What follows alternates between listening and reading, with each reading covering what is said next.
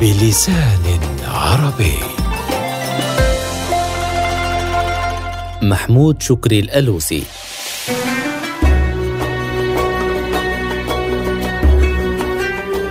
في ليلة من ليالي رمضان عام 1856 ميلادية في حي من أحياء بغداد وأحد بيوتها ولد الطفل محمود شكري لعائلة الألوسي ذات الحسب والنسب الموصول لآل البيت. لم يكن النسب ما يميز العائلة بقدر ما تميزت به من العلم والأدب فكان من نصيب محمود شكري أن ينشأ في مثل تلك الأسرة المنتجة للعلماء فعدا عن جده العالم أبي الثناء الألوسي مفتي الحنفية في زمانه وصاحب تفسير روح المعاني الشهير كان والده عبد الله رجل علم معروفا في بغداد. إضافة لعمه نعمان خير الدين الألوسي الذي كان مهتما بجمع الكتب والمخطوطات ومحبا للكتابة والتأليف حتى ألف كتاب جلاء العينين في أحكام الأحمدين وأنشأ واحدة من أوائل المكتبات العامة في بغداد والتي عرفت بالمكتبة النعمانية. لم يدرك محمود شكري جدة فنشأ وتربى على يدي والده أخذ عنه الأدب والأخلاق وقرأ عليه القرآن ومبادئ العلوم وتأثر بما كان عليه من التصوف. لكن رحلته مع والده لم تكن طويلة إذ توفي وهو في الثامنة عشر من عمره لتنتقل العناية بمحمود إلى عمه نعمان الذي أخذ بيده إلى البحث وقراءة المسائل الفقهية فراجع معه كثيرا من الكتب والمخطوطات العلمية والأدبية ما وسع من مدارك محمود شكري واثرى اطلاعه ومعلوماته.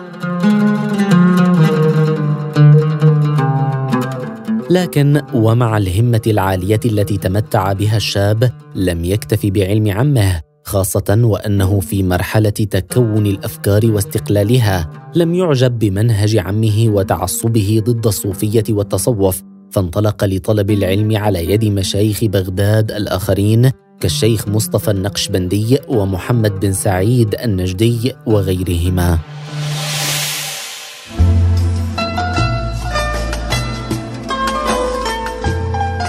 درس النحو والصرف والتفسير والفقه وعلم الحديث فحفظ المتون وحاز الفنون وتعلم اللغتين التركية والفارسية وقرأ بعض العلوم الكونية وأجاد الخط حتى استطاع بذلك أن يؤلف كتابه الأول الروضة الغناء شرح دعاء الثناء وهو في الحادي والعشرين من عمره. وكما صنف وألف مبكرا فقد جلس للتدريس مبكرا أيضا. عرفته مساجد بغداد والتف حوله الطلاب وأخذ صيته يذيع بين الناس حول سعة علمه وواسع اطلاعه حين عين رسميا للتدريس في مدرسة داود باشا ثم صعد بعد ذلك منبر جامع أبي حنيفة وخطب فيه مدة أربعين سنة متواصلة. لكن ذلك كله لم يكن ليساهم بشهرة الشيخ محمود شكري الألوسي بقدر ما ساهمت مشاركته في مسابقة أطلقها الملك السويدي عام 1986 لتأليف كتاب يحكي عن العرب قبل الإسلام ولاعتزازه بالعرب وحبه للأدب ومعرفته الكبيرة بالتاريخ وأحواله اندفع الشيخ بعد تردد للمشاركة. فصنف على مدار سنتين كتابا في ثلاثة مجلدات تحت عنوان بلوغ الأرب في معرفة أحوال العرب. وهو الكتاب الذي فاز بجائزة المسابقة التي عرفت بجائزة نوبل فيما بعد وكان سببا في انتشار أعمال الشيخ ومآثره خارج حدود بغداد والعراق. حب للعرب والعربية. دفعه إلى اتخاذ مواقف عدة صبت في هذا المجال منها ما ذكره تلميذه محمد بهجه الأثري في أحد كتبه حيث قال حمل إليه أحد تلاميذه القدماء ذات يوم مخطوطا في مثالب العرب. أهدي إلى أمين الريحاني عند زيارته لبعض المدن العراقية. فلما أجال نظره فيه غضب أشد غضبة رأيتها منه وساءه أن يهدى مثل هذا الكتاب إلى الريحانية وخشي أن ينتهي إلى شعوبي من هؤلاء الشعوبيين المعاصرين الذين نشأهم الاستعمار الأوروبي ليحارب بهم اليقظة العربية. فأخذه وشقه شقين احتفظ بأحدهما ودفع إلي الآخر وقام من فوره فقام من في المجلس لقيامه وهو يقول لي هذا كتاب خبيث يجب عليك نقضه. ولا أريد أن أراك في صبيحة الغد إلا قد أنجزت قسطك منه. والتقينا في صبيحة اليوم التالي ولدينا نسخة جديدة من الكتاب. يملك كل منا نصفها ثم أكمل نسخته وأكملت نسختي ورد النسخة القديمة إلى صاحبها. لم تبت عندنا إلا ليلة واحدة وعنيت بوضع ردي عليه من بعد حتى إذا نشر الأصل كان الرد عليه حاضرا. انكب الشيخ على طلب العلم والتعليم حتى إنه لم يتزوج ابدا.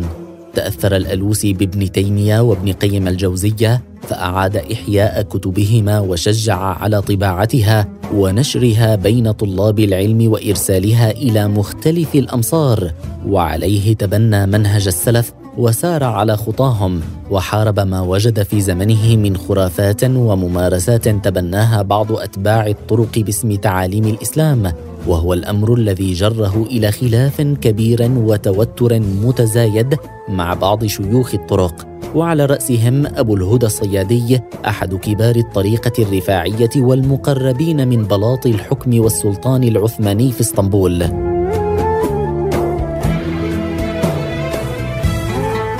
نفس إصلاحي اتسم به الشيخ دفعه إلى التواصل مع علماء عصره كالقاسمي وجمال الدين الأفغاني وغيرهما من المحسوبين على الطبقة العقلانية الإصلاحية. كما قام بالمشاركة في تأسيس صحيفة الزوراء كرئيس للتحرير والقسم العربي فيها وهي أول صحيفة تنشر في بغداد وكانت تصدر باللغتين العربية والتركية. لكن مسيرة الإصلاح لم تكن لتمضي دون عوائق وعقبات إذ رفع بعض المخالفين للشيخ والمنكرين عليه منهجه دعاو وشكاوى إلى والي بغداد الجديد ادعوا فيها أن أبا المعالي يؤسس لمذهب جديد ويدعو للخروج على السلطان ومعاداة الدولة العثمانية. وهو الأمر الذي عرضه للنفي إلى ديار بكر قبل أن يتمسك به أهل الموصل وبعض علمائها ويمنع ذلك من الحدوث.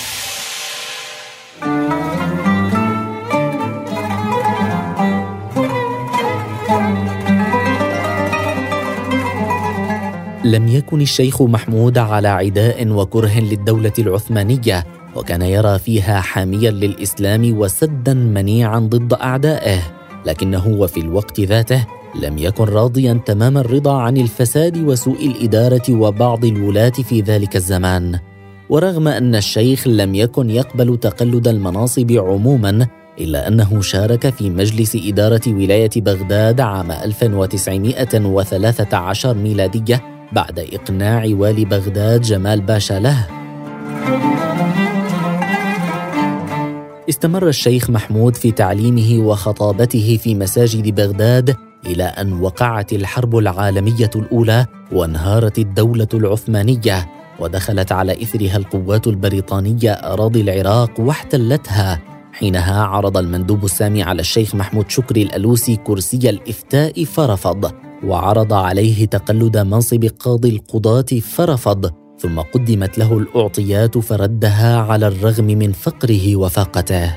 بقي الشيخ بعد ذلك على حاله ثمانيه سنوات أكثر فيها من التأليف والتصنيف حتى بلغ عدد مؤلفاته قرابة سبعين كتابا كتبا إسلامية وأخرى نحوية وأدبية وتاريخية إضافة لعدد من المؤلفات في محاربة غلاة الشيعة والرد على ادعاءاتهم ككتابه. صب العذاب على من سب الأصحاب.